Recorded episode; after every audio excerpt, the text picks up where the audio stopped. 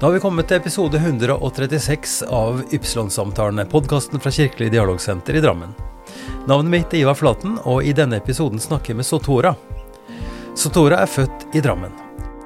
Etter å ha utdanna seg til anleggsgartner og hadde jobba noen år, dro han ut på reiser, bl.a. til Thailand, New Zealand og Papua New Guinea. I Australia lærte han å spille didgeridoo, aboginernes urgamle instrument. Og det ble et vendepunkt i livet da han så og forsto hva den meditative og sterkt berørende musikken kunne gjøre for mennesker. Jeg har hatt 300 solokonserter i Emanuel Vigelands mausoleet, og hver måned er det utsolgt, og folk kommer fra hele landet, forteller Sotora. Da har jeg gleden av å ønske Sotora Per Nygaard eh, velkommen til min hule her. Eh, velkommen skal du være. Tusen takk for det. Midt i all snøen. Ja, hyggelig å være her oppe i høyden. du klarte å, klarte å komme deg fram. Du sier det er stor forskjell her og nede der du holder til? Ja, så stor forskjell eh, er det vel kanskje ikke, men eh, nå har jeg vært eh, tre uker ute i Berger ja. for Kjæresten min er såkalt artist in residence i, på Fossekleiva. På, på Fossekleiva, ja. ja. Så vi er der ute nå, da, og der er det jo betraktelig mindre snø enn det ja. det er her. Nei, det hadde vært en rar, eh, en rar vinter med, med både kulde og, og, variasjon mellom kulde og smelting som gjør at det har gått litt utover trær og busker her. Og du, du sier at du har en fortid også som som anleggsgartner. Så du, du, tok, du tok, noen dine, for, for, si, dine, forholdsregler som ikke er gjort, så jeg fikk, fikk brekt et gammelt tre her. Det var ikke noe hyggelig. Ja, nei, jeg be, har lært av uh, erfaring da med, med tunge snøfall at, uh, at uh, greiner og busker kan brekkes Så når, når, det blir mye snø og is på trærne, så, så pleier jeg å ta en ta riva og, og få det av, da. Ja, ja. Så der har jeg lært noe. Det må jeg ta, det må jeg ta litt mer på alvor neste år. For det blir ikke noe endring, vil jeg tro. Dette, så Værskiftene vel, blir vel mer og mer vanlige pga. at klimaet forandrer seg noe også. Det må vi dessverre regne med. Ja. Men Sotora, du, du, har et, eh, du har et veldig fascinerende navn. Og jeg må først si også at jeg tror første gangen vi Altså, jeg så deg, jeg fikk høre deg. Det var i forbindelse med Drammen Sacred Music Festival. Jeg tror det var første, første utgaven, altså i, i, 2010 må det ha vært. Mm -hmm. eh, at du kom der med din eh, didgeridoo og hadde, hadde, en forestilling eh, som gjorde veldig inntrykk. Eh, og det navnet ditt det henger vel sammen med det instrumentet på en eller annen måte. Kan du ikke fortelle litt om det først? Ja, egentlig så gjør det ikke det, Nei. men uh, det er et navn jeg fikk uh, rett før jeg begynte, på, begynte å spille dette instrumentet ja. i Australia. Uh, da hadde jeg da hadde jeg vært igjennom en eh, lengre periode i Asia, eh, vært i buddhistisk eh, kloster i lange perioder og var vel på en måte på en litt sånn åndelig vei, kanskje. Ja, ja, ja. Og følte at jeg ikke var den samme personen lenger. At jeg hadde, hadde forandret meg såpass mye at jeg, jeg, følte på en måte at jeg ikke var den gutten lenger. Nettopp. Uh, så var jeg på med en samling med 30 personer og gjorde en såkalt uh, svetthytteseremoni. Hvor jeg uh, symbolsk da kastet mitt gamle navn på bålet, og så, og så var jeg da på søken etter et, et, et nytt navn. Ja. Så da ble jeg observert av disse personene mm. i tiden etterpå. Mm. Og så var det en dag at eh, det var eh, Det var vel en 14 dager etterpå eller noe sånt noe. At eh, det var en jente av gresk opprinnelse som som kom til meg og sa at nå har jeg funnet ditt navn. Wow. Ja. Så det er ikke australsk, det Ikke det, er, det er gresk, Rett og slett faktisk. gresk. Ja. Men dette er interessant, da, fordi at eh, her går jo Altså, det er jo ikke rykter, men, men et såpass spesielt navn, og din, ditt instrument er jo en, antageligvis en slags logisk årsak da, til at dette har blitt en, en, en feilkobling, rett og slett. da. ja. Ikke sant? Fordi uh, Sotora, altså et gresk navn som ble gitt fordi det er ganske, det er jo, en, en må nesten følge opp dette her for å, for å sjekke ut litt mer, for du sier at, at du var ikke lenger den gutten du var. Eh, en åndelig reise.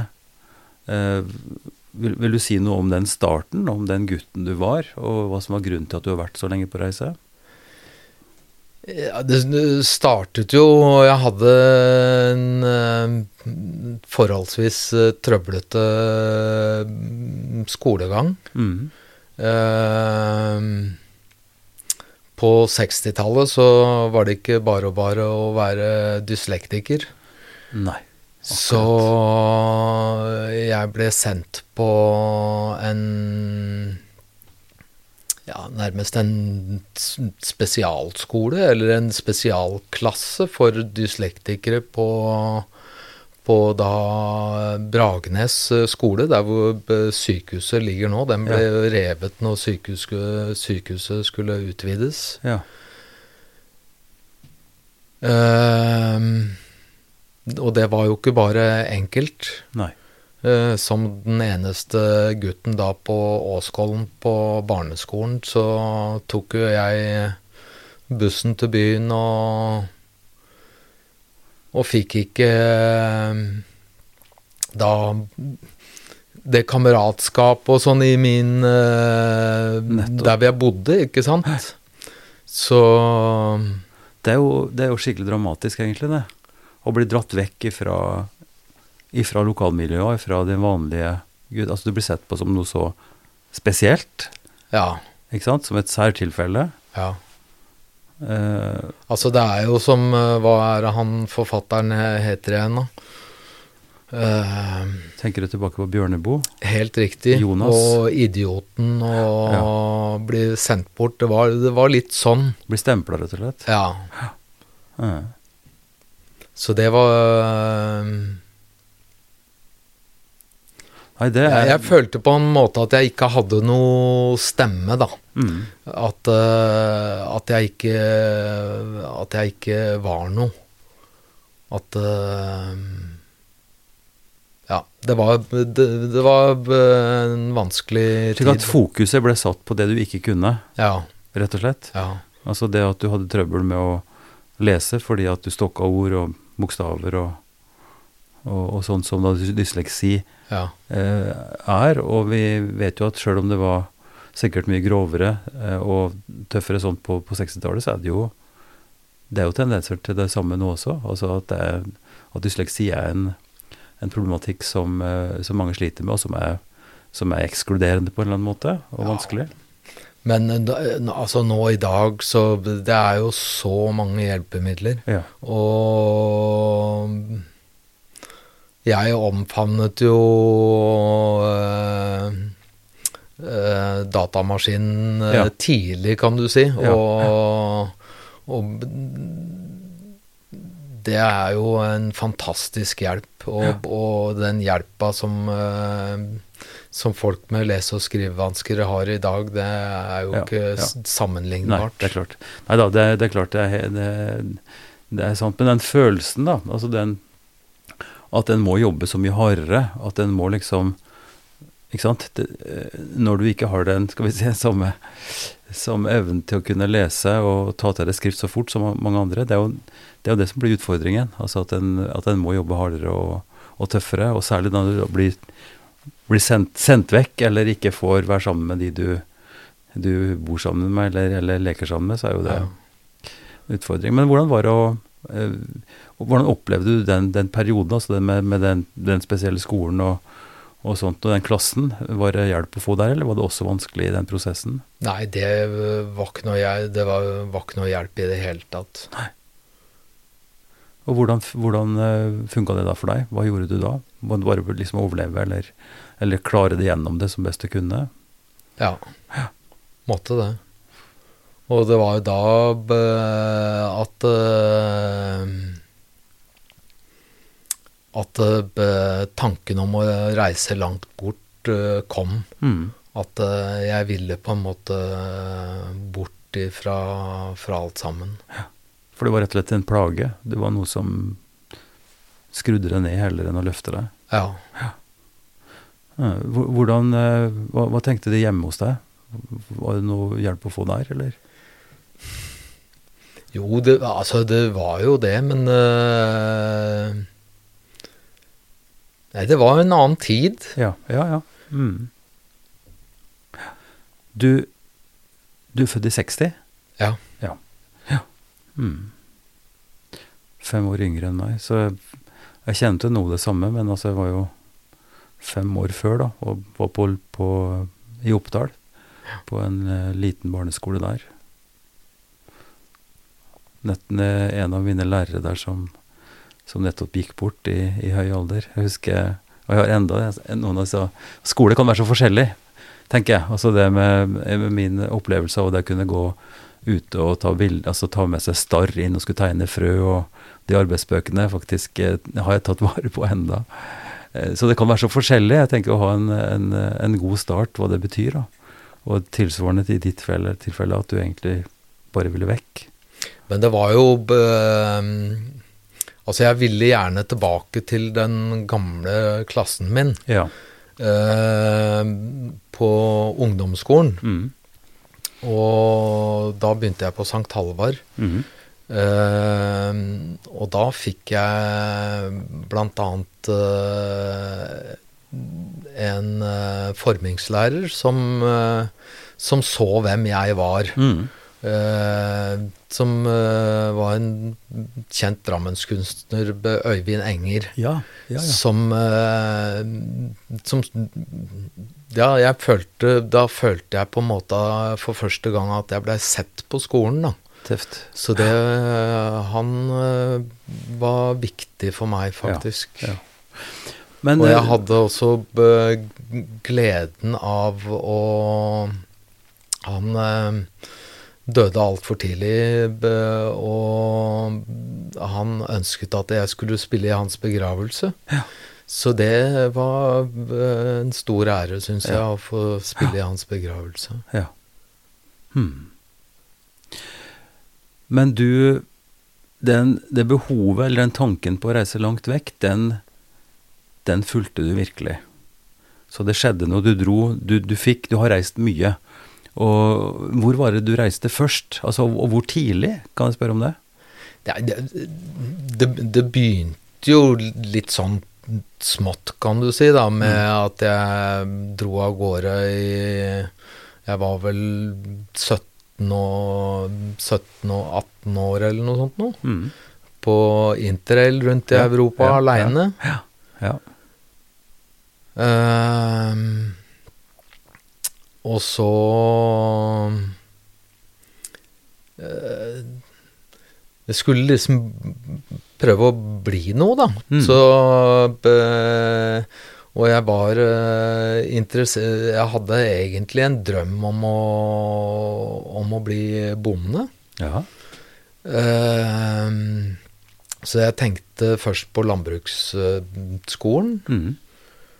Uh, og uh, reiste når jeg var uh, Faktisk når jeg var 15 år, så reiste jeg til Tyskland og, og jobbet på en gård i Tyskland. Mm -hmm. og så etter hvert som jeg jobbet litt i, i landbruket, og jobbet på noen gårder i, i Lier og, og sånt, så, så traff jeg en kar som, som gjorde meg oppmerksom på, på at det fantes et yrke som, eh, som heter å være anleggsgartner. Ja, ja. Og det eh, fikk jeg da eh, At det, ble min vei, da. Ja. Mm. Så jeg begynte å, å, å gå i lære da som, eh, som anleggsgartner og Gartner- og blomsterdekoratørskole på Vea, Oh ja, ja, akkurat. eh, på Moelven. Ja, ja. Og så har jeg noe eh, landbruksmaskinskole for å lære å kjøre alle mulige slags eh, landbruksmaskiner og gravemaskiner og alt mulig sånn. Og så gikk jeg da på Jensvoll eh, Ja. etterpå. ja. Og når jeg var ferdig med det, så tenkte jeg bare at eh, nå skal jeg jobbe og tjene opp penger, og så skal Mm. jeg reise. ja. Så da var det lier og frukthagene der og sånn som var jobben, da, eller? Ja. Mm. Nok, nok av frukter å ta vare på der. ja. Jobbet for Bjørnstad blant annet, og Ja. Grette har jeg jobbet, og Ja. Ja. Ja, ja men da har du en eh, jordnær og viktig, viktig kunnskap. Ja. Så jeg, jeg, jeg tenkte, å, tenkte å få noe råd fra deg når det gjelder mine epletrær, når du har, har denne kunnskapen. Men, eh, men altså, jeg kjenner jo det, så det behovet for å reise. Jeg var også ute på interrail som ganske ung. Jeg var vel ja, litt, litt før 18. Og, og haika, haika faktisk, de første, Ja. de første, første turene. Og haika og i nord altså tok båten over til, til Danmark, og der, eh, der traff jeg en italiensk student som kjørte bil. Og han, jeg, hadde, jeg, måtte, jeg var 18, for jeg hadde internasjonalt føre, førerkort. Så vi kunne kjøre på skift, og vi bodde i teltet mitt, og jeg kom ned til Nord-Italia før jeg visste ordet av det. Så, så det var en effektiv måte å haike på. Ja da, jeg haika mye, jeg òg. Ja. Og det øh, Jeg syns jo det er litt øh, trist når jeg reiser rundt nå, at det ikke er noen haikere lenger. For ja, det er, når du ser på veien, så er det stort sett én person som sitter i en bil. Ja. ja. Skulle gjerne hatt flere haikere på veien. Ja, ja da, og det var jo var flere av de som var litt eldre enn meg i Oppdal, som kunne fortelle om veldig fascinerende reiser på den måten, med, på reise på tommelen.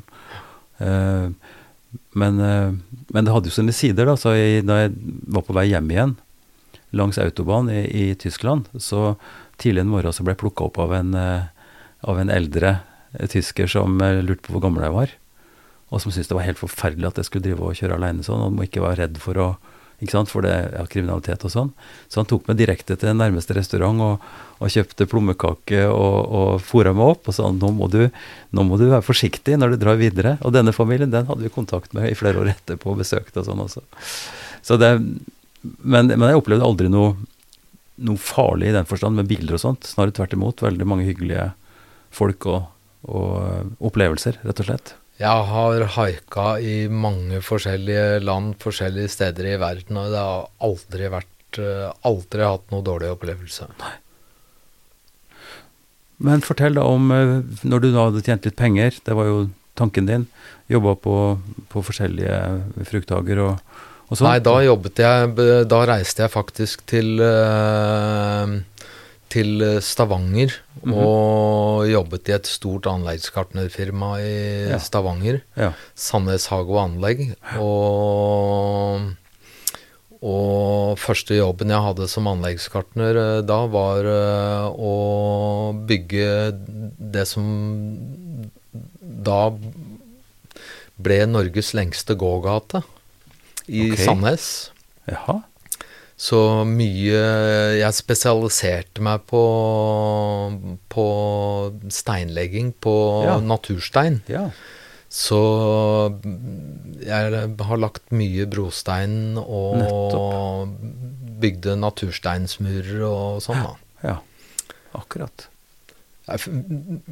Det og trær er jeg Stein og trær er jeg veldig opptatt av. Ja. Ja. Mm. Så eh, Og så var jeg eh, redd for å fly. Mm. Jeg likte ikke å fly. Nei. Så jeg tenkte at jeg skulle gjøre all reisinga mi på vann eller på land. Mm. Og det er jo litt eh, ikke bare og bare hvis du skal reise til eh, Australia. Nei, det er et stykke vei.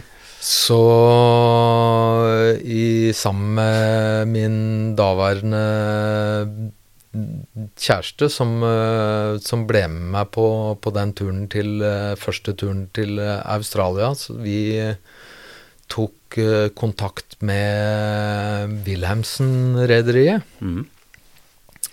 Og da var det sånn at da gikk det an å jobbe seg eh, Jobbe seg eh, Du fikk rett og slett hyre og Jeg kunne gjøre en jobb for, for billetten. Helt riktig. Ja, altså, jeg jobbet meg ned til eh, Australia, da. eh, for reise og kost og losji. Mm. Altså, jeg fikk jo ikke betalt, Nei. men uh, Så jeg mønstret på i Gøteborg, og vi seilte rundt uh, Afrika og var bare så vidt eh, innom eh, Cape Town for å få litt eh, ferske grønnsaker og sånn. Mm. Mm. Og så var det da rett over Det indiske hav i tre og en halv uke før vi ankom Melbourne. Det Så det var en strekk. reise på seks og en halv uke til sammen. Wow. Det er liksom sånn skikkelig gammeldags reising, det. Da merker du at du beveger deg over et stort, stort område. Det mister du litt i fly. Altså, du går om et fly, og så går det noen få timer, og så er du på andre sida av verden. Mens du tar båt, så merker du at du flytter deg langt. Ja. Jeg, be, jeg er fremdeles ikke noe begeistret for å fly. Jeg, å reise med eh, i hvert fall en sånn stor båt, det er jo fantastisk. Ja. Eh, Det er jo på en måte behagelig, ikke sant? Mm. Selv om du eh, rundt, eh, rundt eh, tippen Kapp, av ja. Ja. Afrika så kan det jo være rimelig hardt vær, så du kjenner godt dønningene, men eh, det var jo stort sett fint vær. Mm. Så det var flott. En, og Da var det verken, det var verken frukttrær eller stein å legge på båten. Så Nei, det var nei. andre forefallende ting du kunne gjøre, da. ja, jeg, jeg fikk jo alle drittjobbene, for Ja, å si det sånn. Ja, ja. Og jeg har jobbet eh, stort sett i maskinen da, med å tørke opp oljesøl og Ja. sånne ting. Ja, ja men eh, da kom dere til Australia. Og hva, hva skjedde der, da? Nei, da gikk det bare noen dager, så hadde jeg kjøpt en motorsykkel og skulle da reise. Mm. Men da ja, Etter hvert Det var jo ikke Etter en måneds tid så var jeg såpass rastløs at eh, jeg fikk meg en jobb. Ja. Og jobbet på en vingård og plukket druer, og så jobbet jeg øh, Jobbet jeg for øh, for eh, produsenten av øh, denne filmen 'Crocodile Dundee'. Jaha. Ok. Og den filmen, den, den hadde premiere mens jeg jobbet, jobbet der, og det var jo den største kassasuksessen noensinne, faktisk. Ja, ja. Når den filmen eh, kom ut, så da lå det jo eh, paparazzi-fotografer eh, rundt på eiendommen. Jeg jobbet i hage Skulle eh, anlegge hage Mm. for, mm. for produsenten der nå. Mm. Ja. Men det å reise til et sted sånn og jobbe altså I denne podkasten har vi vært også nokså mye opptatt av hva som skjer når folk flytter på seg og slår seg til ro eller blir en del av et nytt samfunn. Uh, og da er vel Australia på en måte kanskje et slags arnested for at folk har reist dit og slått seg til der fra andre steder. Det er jo ikke en veldig stor urbefolkning. altså Det er jo aboriginer og sånt, så det er jo engelskmenn, mye straffanger. altså det, Hele den historien vet vi jo noe om. Så, så det at det kommer folk til Australia, det er vel ganske vanlig. Men hvordan var det å komme dit eh, som nordmann? Var det opplevdes det som bare å flytte seg et sted som man også likte hjemme, eller? Nei, absolutt ikke. Det var jo fantastisk, syns jeg, da. Altså, jeg liker å oppleve ting jeg aldri har opplevd før. Mm. Og, og er eh, Bare se på Altså, du kommer jo til, til et kontinent eh, som er eh, helt unikt, Mm. eh, med planter og dyr og insekter og alt, ikke sant. Alt Alt er forskjellig. Alt, alt du, nesten alt du ser, har du aldri sett før. Nei. Og det, det er jo noe som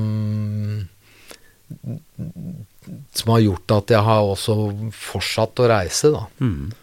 At, eh, og nå har jeg jo vært hjemme en del år, og eh, hvordan, hvordan kan jeg gjøre det når jeg er her hjemme? Mm. Og det er eh, Ja, jeg reiser jo Har jo reist masse i Norge òg, over hele Norge, men Men å se ting du aldri har sett før, da må jeg på utstillinger. Ja. Ja. Ja. Ja. Men kan du si noe mer om, eh, om hva du opplevde i Australia? Fordi eh, det som etter hvert ble instrumentet ditt, det var kanskje litt seinere i perioden, men, men eh, hva var greia rundt det? Var det? Er det noe spesifikt med Australia som gjorde at dette hekta deg? Du snakka om sant, den australske TV-verten, eller talkshow-mannen, som også viste, viste fram den didgeridoo, men var, da var det mye yngre, ikke sant? Ja da. Ehm, jeg veit ikke, jeg, kan vel ha vært en åtte-ni år eller noe sånt nå. Da var det et eh, program på NRK som het eh, The Rolf Harris eh, Show. Aha. Husker jeg ikke. En, en australsk eh, talkshow-program. Mm. Og han eh, spilte dette eh, merkelige eh, instrumentet som jeg eh, ble Det vesle jeg hørte da, det uh, syns jeg var veldig fascinerende. Mm. Um, og da ble interessen for Australia vekket i meg, kan du si. da. Og så var det jo TV-serien Skippy og Mm. Ja, ja. The Bush Kangaroo. Ikke sant? Ja. Eh, Skippy, Skippy, Skippy, the bush kangaroo. Ja, ja. Dette kan du. Den, den satt. Ja, ja. uh, så uh, Ja, Australia ble, ble det store reisemålet for meg, da. Og altså på den tiden så alle skulle jo til USA. Ja, ja. Det var jo Det var liksom Hvis folk skulle, skulle noe sted, så var det USA, liksom. Men eh, det var ikke så mange som reiste til Australia på tidlig 80-tallet. Men det gjorde du. Og du lette aktivt etter en didredon, eller når Nei. kom det inn i bildet? Eh, Den dukket ikke opp før eh, tredje gangen jeg var i Australia, tror jeg. Rydde opp i misforståelsene våre. Når vi sier at Sotora, da, som er et gresk navn, Ja. som du fikk fordi at du var gjennom en, en prosess, en slags åndelig reise, hvor du la fra deg det gamle, ble noe nytt, fikk Mm. dette navnet, som ikke er kobla til noe australsk navngivning, eller det sitter ikke en aborginer som har gitt deg det navnet. Men, men hva, hva, når, når traff du Didredon, og hvordan, hvordan var det? Fikk du noen impulser ifra eh, eller er det på en måte bare noe som eh, har blitt sagt, eller som folk har fantasert? Ja, jeg eh, gjorde jo det. Altså, jeg, eh, jeg så det Jeg så det jo spilt eh, der nede, ikke sant? Eh, og så eh, skulle jeg egentlig på en eh, På en eh, Da hadde jeg eh, kommet fra, på en tur fra, fra India annet, hvor jeg hadde kjøpt en kamel og en vogn og reist rundt i India med øh, en kamel, og jeg, jeg var liksom på, på et skikkelig eventyr, da, og, eh, og eh, var veldig opptatt av at jeg skulle gjøre veldig unike reiser, på en måte, da. Ja. Og så traff jeg en kar i, i Sydney rett etter at jeg hadde kommet til Australia, som, eh, som, hadde, som hadde vært på hesteryggen igjennom USA og livbært seg med og Han var reptilekspert. Mm. Så han hadde fanget eh, slanger og sånn og levert til dyrebutikker og sånn, og det var sånn han tjente penger, da. Ja. Og han hadde tenkt seg å reise til Nordterritoriet og, og kjøpe hest, og så reise da igjennom Nordterritoriet og Nordvest-Australia på hesteryggen. Dette er ekstreme distanser, ikke sant? Ja, ja. Dette, Dette, er store distanser. snakker vi om eh, mange måneder på På, På hesteryggen, ja. ja. Så dette hadde jo jeg selvfølgelig, selvfølgelig eh, lyst til å være med på. Ja. Så jeg reiste da jeg sammen med han eh, og et par til opp til eh, Nordterritoriet for å, for å kjøpe hester. Og så viste det seg at eh, han karen, han var jo ikke Han var ikke helt god. Så det ble ikke noe av den reisen. Og da Da dukket det instrumentet opp. Så da eh, eh, traff jeg noen be, fra urbefolkningen som eh, som eh, jeg fikk et instrument av, og så fikk jeg en innføring i pusteteknikk og ja, the basics, kan du si. Mhm. Og så var jeg vel da i eh, et halvt års tid eh, Unnskyld. eh, hvor jeg sov under åpen himmel og laget all maten min på bålet og, og bare skulle lære meg dette instrumentet. Aleine? Nei, sammen med en uh, annen kar. Ja. Og, og egentlig grunnen til at, eh, at jeg ville det da det, Mm. Jeg fortalte tidligere at jeg hadde, jeg hadde vært igjennom eh, flere runder med såkalt vipassna-meditasjon og Det må du nesten fortelle litt om seinere, men vi kan Ja. bare fortsette nå først. Men eh, i, i hvert fall øh, Så øh, Jeg mediterte mye, da. Mhm. Og, og dette instrumentet for meg Altså, jeg hadde jo ikke tenkt til å bli musiker eller spille for noen i det hele tatt. Eh, jeg ville bruke det instrumentet som en form for eh, meditasjon. En- Ut ifra sånn overfladisk blikk så vil jeg si at meditasjon handler mye om pust. Og pusteteknikk, det er også å være bevisst sin egen pust, og kanskje bare sentrere rundt pust. Ja. Og sånn sett så må jo didgeridoo være et sånt uh, gudegitt instrument, for det handler jo alt om pust. Mm. Gjør det ikke det? Ja. Eller alt, altså ja. veldig grunnleggende sett. Det, Absolutt. Ja. Mm. Så det, det Det var inngangsporten min, kan du si, da, for å, for å, for å begynne med det. Det var, det var eh, eh, for å, å Som en annen form for meditasjon. Ja, skjønner. skjønner. Ja. Så i flere måneder eh, i et klima som var ganske karrig, er ikke det? Altså tørt og, Ja. og sånn, eller? Dette var oppe i området på grensen mellom Nordterritoriet og, og Nordvest-Australia, et område som heter The Kimberleys. Mhm. Hvor de bl.a. har eh, disse fantastiske boab-trærne. Ja. Så det var eh, rundt boabtrærne og et eh, leirbål og, og Helt eventyrlig. altså Det er jo en helt annen Helt annen stjernehimmel, et helt annet klima, en helt annen verden. Totalt forskjellig. Aldri sett maken til stjernehimmel. eh, Ikke noe lysforurensning. Ingenting. Og bare eh, eneste lyskilden vi hadde, var bålet. Det var Og, og skifting mellom dag og natt. Altså, Nå er ikke jeg godt nok eh, trimma på ekvator og sånn, men, men hvordan var forholdet mellom dag og natt den sesongen du var der? Nei, det blir jo tidlig mørkt. Ja, ikke Ja. sant? Så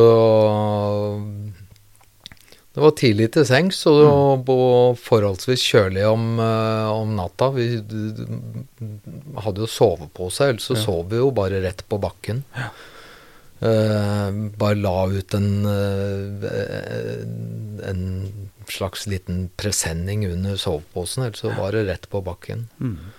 Uh, og så med en gang sola sto opp, så ble det jo altfor varmt. Så da var det bare å stå opp. Ja.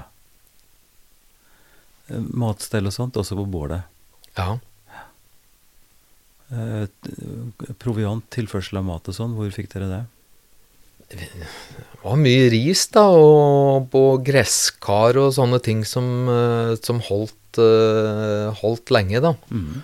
Eh, ellers så var det mye spirer Ja. for å få helt ferske ting, da. Mm. Så vi, vi spirte jo mange mangbønner og, og sånn i store mengder. Eh, og da, i de månedene, så, så ble du mer og mer fortrolig med instrumentet. Og lærte mer og mer hvordan du skulle sirkelpuste og nyansere spillet. Ja. For innafor det der Innafor det instrumentet så fins det jo Det fins mye å gjøre, for å si det sånn. Altså det er mye nyanser.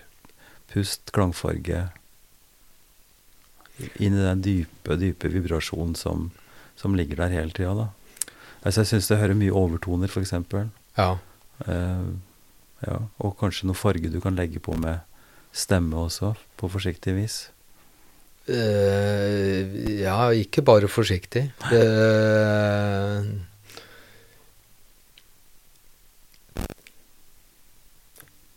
altså, jeg, jeg Jeg spiller jo på en måte ut uh, følelsene mine her. Mm. Og, og som jeg sa tidligere, jeg fant liksom min stemme. Og, og dette instrumentet, det Ja, etter hvert, da, så be, jeg hadde, be, jeg hadde en opplevelse et år seinere i eh, New Zealand. Mm.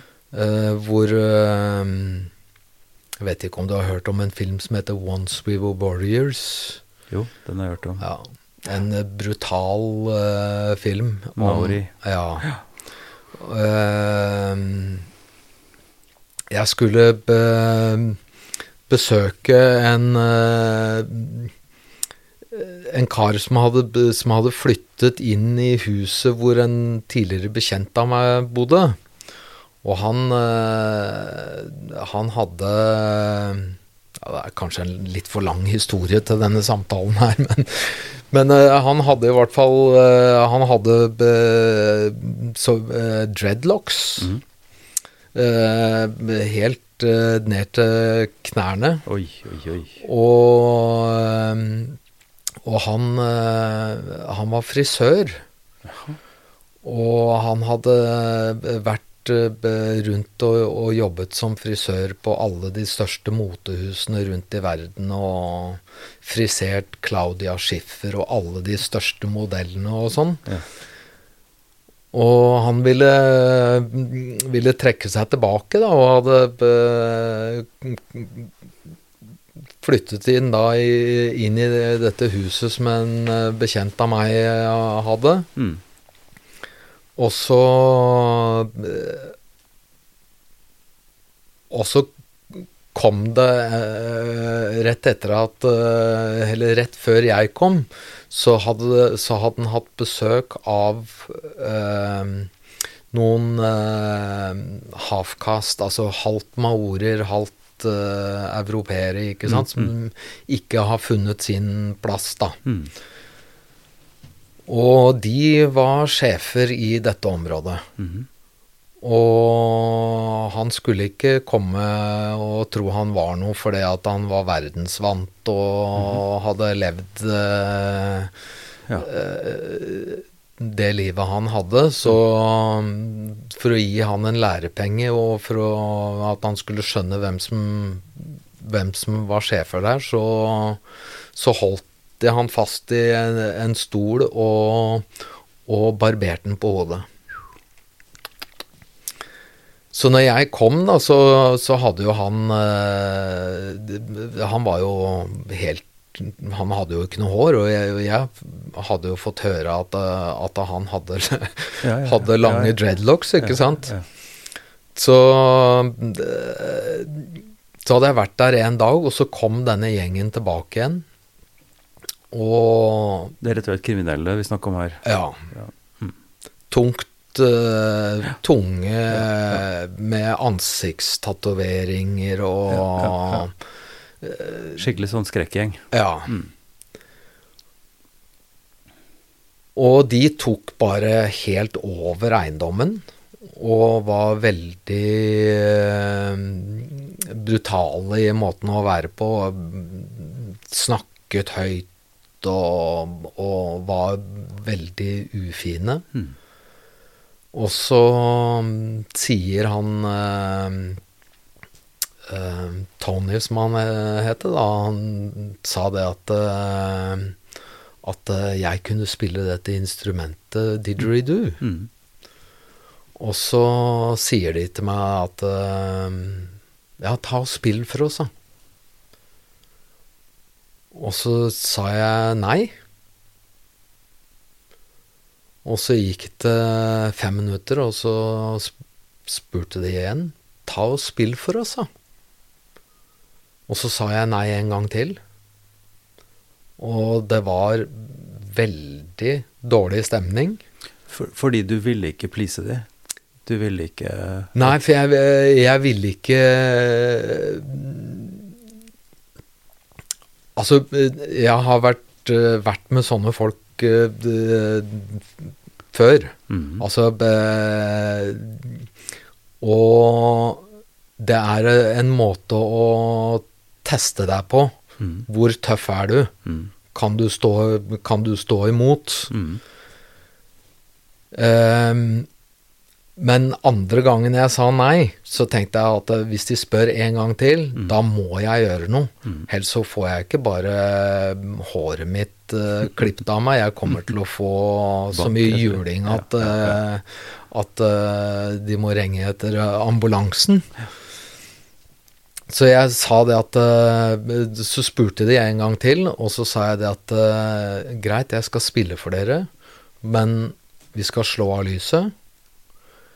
Eh, jeg skal spille i én time, og hvis det er noen av dere som ikke liker det jeg gjør, så skal dere reise dere stille og rolig opp, og så skal dere forlate rommet. Da skal jeg spille for dere. Og de godtok mine betingelser, og etter den timen, det energiskiftet som skjedde eh, da, eh, var så dramatisk at jeg får gåsehud når jeg, når jeg snakker om det. For stemningen var eh, Plutselig så senket stemmene seg, og vi snak, de snakket rolig med hverandre, og, og da tenkte jeg at uh, hvis dette instrumentet kan ha en sånn innvirkning på folk, så er det dette jeg skal gjøre i mitt liv. Hm. Ha. Så da Da begynte jeg å å ta det frem i andre anledninger. eh, Ikke bare noe jeg satt med for meg selv, da. Hva skjedde, tror du? Du må ha tenkt på det. Jeg tror nok det er en det, Altså, det, det vekker eh, noe eh, Noe opprinnelig i, i, i, i mennesker, den lyden. Um, Men det å akseptere også å, å være stille i en time, og bare puste og ta imot, og være i den, i den pusten som du formidler, er jo også noe som er dypt helbredende, vil jeg tro. Det tror jeg òg.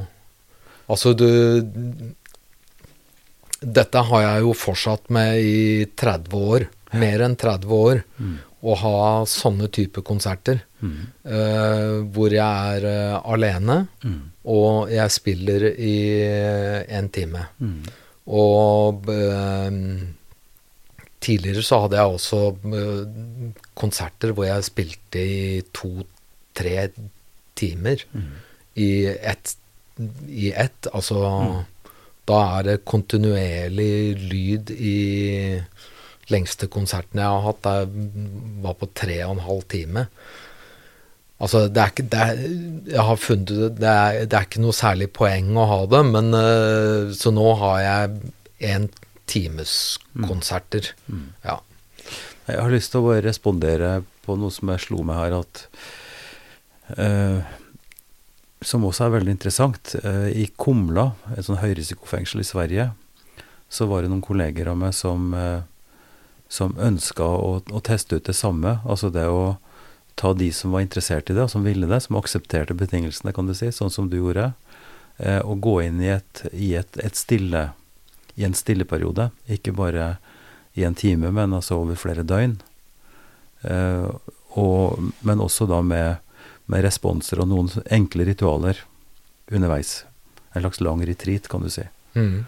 Eh, som viste seg å være helt eh, livsforvandlende for, for mange av disse. Og dette ble også da tatt med hit, så det foregår nå i, i Halden fengsel på samme måte.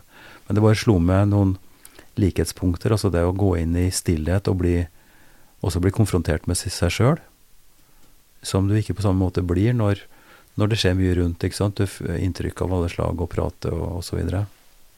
Så det er et eller annet i, i, i kontakten mellom skal vi si, din egen pust og ditt eget, ditt eget liv som kanskje framstår som tydeligere og mer brutalt også, og mer utfordrende når du må være stille og forholde deg til det som du gjør, blant annet. Da. Mm.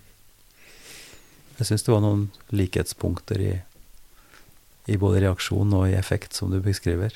Jeg har, eh, når du nevner fengsel, så har jeg vært øh, Vært øh, Jeg har vært i fengsel.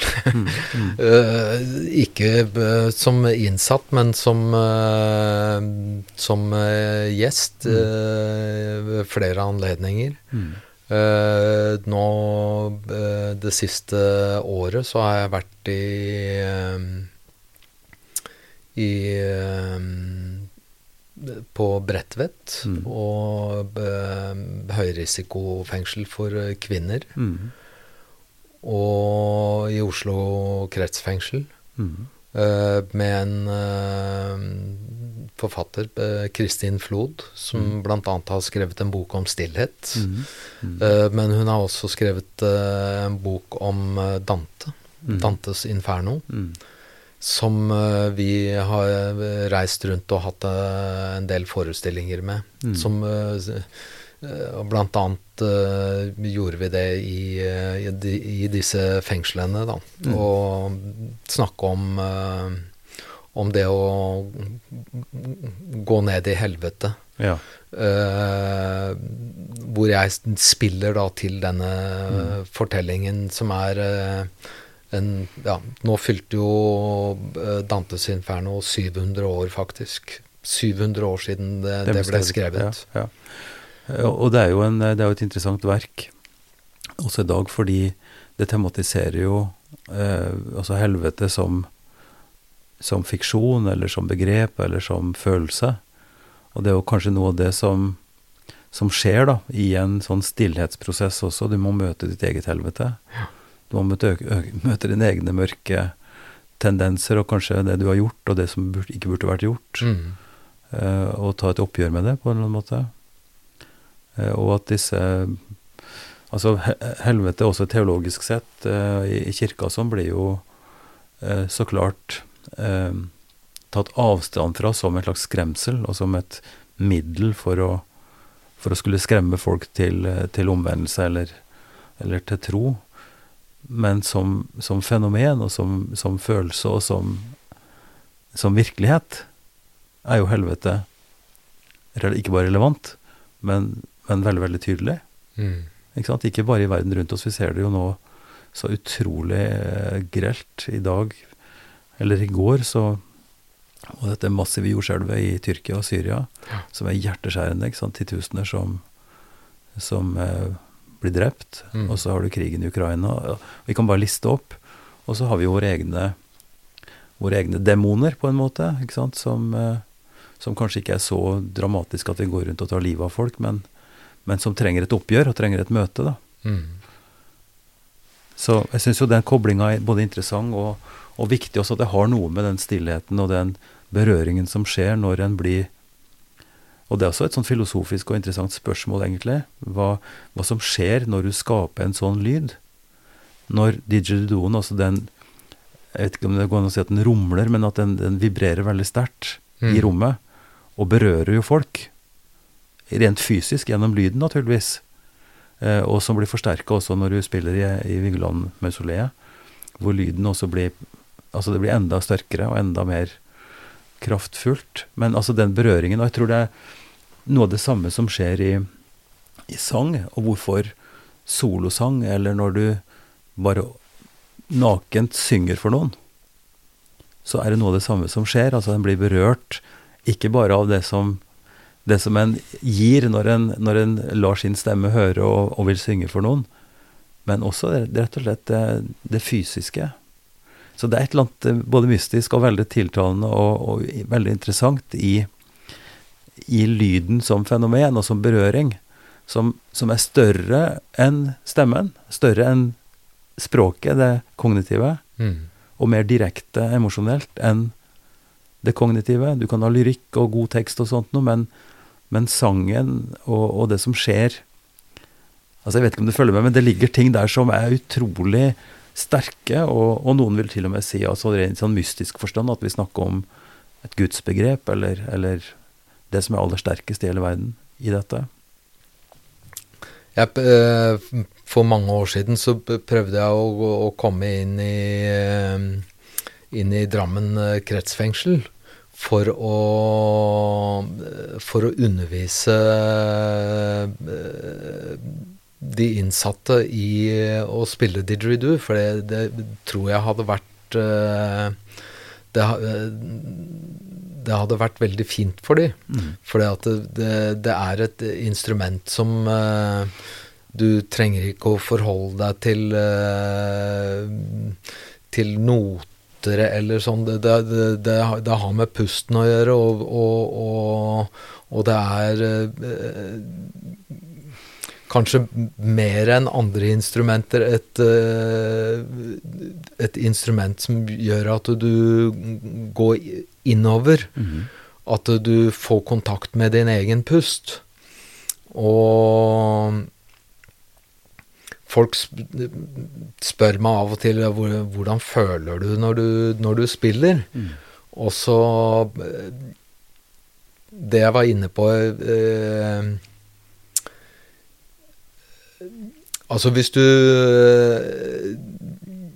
Det jeg sa om at, eh, at jeg skulle finne en, en annen måte å meditere på Mm. eh, Hvis du sier om, Mm. om Mm. så, så kjenner du at Mm. det vibrerer i Mm. tinningene dine, ikke sant? Ja. Og det er jo en eh, Noe som jeg kjenner hele tiden når jeg spiller. Ja. Mm. Altså, jeg har jo eh, Det er jo målt antall desibel som en didgeridoo-spiller har inni munnhulen Mm. når jeg spiller. Mm. Så jeg har 100 desibel inni munnen Ja. når jeg spiller. Ja. Du, altså 100 desibel altså På et utested, så har jeg konsert, så har du ikke lov til å ha mer enn 100 desibel. Da er det skadelig for hørselen. Ja. Så hvis du har det inni hodet ditt, så kan du tenke deg de vibrasjonene som er, da. Ja. ja. Dette, dette er veldig interessant. Jeg ser vi, vi går mot slutten av timen, så vi kan, ikke, vi kan ikke gå så veldig mye mer inn på det. Men, men den reisen eh, du gjorde, og som du var inne på, altså at, du, at det har skjedd en slags forandring med deg som person også. Altså du gjennom navnet ditt, den bevegelsen som du har vært i i reisene dine. Eh, du er jo på en reise også sånn så skal vi si åndelig eller musikalsk sett, stadig vekk, ikke sant? Kan du si det? Kan du, og hva betydde dette, dette symbolske navneskiftet i så måte? Går det an å si noe kort om det? Det gjør kanskje ikke. Nei, eh, nei, jeg vet ikke om det har det, Folk ser nok på meg som kanskje Hvis du er gæren nok til å ta et såpass eh, spesielt navn, da, så, så folk blir gjerne litt nysgjerrig på, på det. Jeg får veldig ofte spørsmål om navnet mitt. Ja, jeg gjør det. Men jeg eh, Bare si eh, at det, det, er, det er jo noe jeg har fortsatt med dette her, og, og, og jeg har jo hatt eh, blant annet eh, Nå har jeg passert eh, 300 konserter i Emanuel Vigeland-mausoleet på Slemdal. Mm. Og jeg ser jo Når folk kommer ut fra disse konsertene, og tilbakemeldinger jeg får, så er det ikke bare musikken, men også det, det rommet er eh, det, det gjør noe med folk. Mm. Litt sånn som du opplevde det Nesten så kan jeg si at det var som et kall den gangen på New Zealand, hvor du så sterkt fornemma hva som skjedde med disse disse kriminelle gutta som var der eh, og ble, ble forvandla på en eller annen måte gjennom den berøringen som musikken ga dem. Helt riktig. Det er eh, Jeg vil gå så langt som å si at eh, det er et kall. Ja. Ja. Det er noe det, det er, jeg, har ikke, jeg har ikke noe valg. Det er noe som jeg føler at jeg må gjøre, ja. Og 300 slike timer i mausoleet på hos eh, Vigeland, det fortsetter. Er det faste intervall? Er det månedlig du er der? Det er månedlig. Ja. Du har ikke noen sånne, sånne tilbud her i, i Drammensområdet? Nei, jeg skulle gjerne funnet et lignende sted i Drammen. Det skulle jeg gjort. Få se på noen kirkerom, da, vet du, om ikke det kunne vært aktuelt. Ja.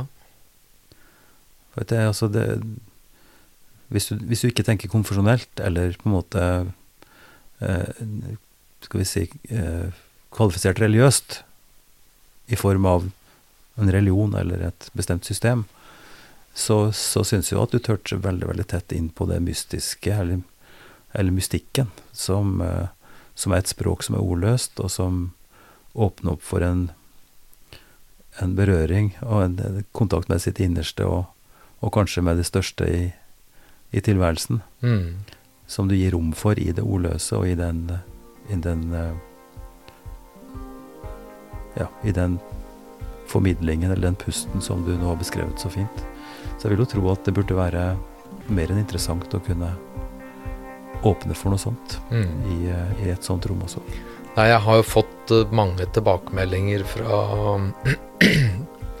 fra folk eh, i ettertid, etter konsertene mine, at at